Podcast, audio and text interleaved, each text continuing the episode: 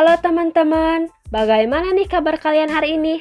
Semoga kita semua tetap dalam keadaan sehat ya. Meskipun masih dalam situasi pandemi, teman-teman juga jangan lupa semangat untuk menjalankan aktivitasnya dengan tetap mematuhi protokol kesehatan tentunya. Seperti saya nih, saya juga sudah semangat banget untuk berbincang-bincang di podcast kali ini. Oke, kali ini kita masih berbincang seputar lingkungan. Dan episode kali ini juga masih berkaitan dengan tugas perkuliahan mata kuliah pendidikan lingkungan hidup. Tapi di episode sekarang ada yang beda loh. Apa ya? Yaps, di episode kali ini saya tidak hanya sendirian. Ada seseorang yang menemani saya mengisi episode di podcast kali ini. Saya ditemani oleh sepupu saya yang kebetulan sekarang dia ini sekolah di SD kelas 4. Ya, Des? Iya. Itu. Halo Dedes. Halo. Nah, itu namanya Desiopa tapi panggil aja Dedes ya. Oke Dedes, hari ini kita akan berbicara seputar lingkungan. Dedes di sekolah udah diajari mengenai pelajaran PLH belum sama ibu? Udah. Ngebahas tentang apa? Tentang lingkungan. Tentang lingkungan ya? Ya iya jelas dong teh, kan pelajarannya juga PLH pasti tentang lingkungan ya. Menurut Dedes, lingkungan itu apa sih? Lingkungan itu tempat tinggal makhluk hidup. Iya, benar, tempat tinggal makhluk hidup.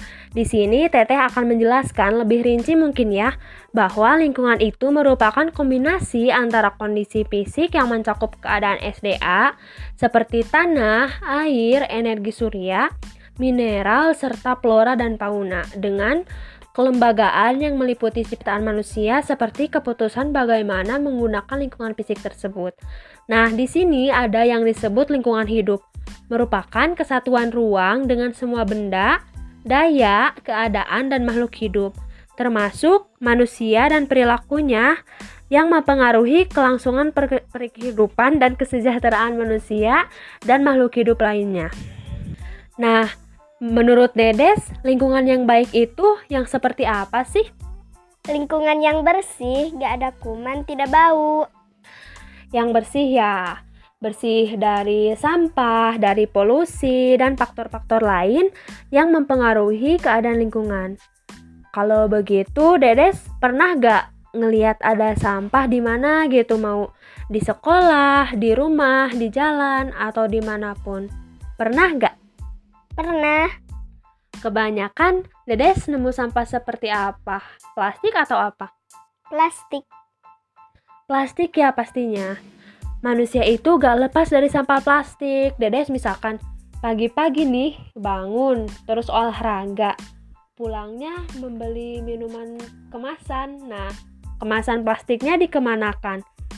Pasti akhirnya dibuang juga kan? Masa jajan kemasan juga dimakan? Kalau sampah plastik itu nanti bisa busuk gak? Kalau plastik gak akan hilang des, dia akan tetap bertambah setiap hari dan abadi di bumi. Atuh kalau gak hilang nanti nanti banyak plastik yang numpuk. Teteh plastiknya dibakar aja biar hilang. Bisa dibakar, tapi kalau dibakar bakal terjadi pencemaran lagi. Kira-kira kalau kita membakar sesuatu terus asapnya banyak, itu akan menjadi pencemaran apa? Jadi, itu jadi pencemaran udara ya, Teh? Iya, betul. Pencemaran udara nanti masuknya itu ke polusi. Polusi udara ya, Teh? Iya, polusi udara. Terus kalau ditimbun juga gak akan terurai oleh tanah. Terurai itu apa, Teh?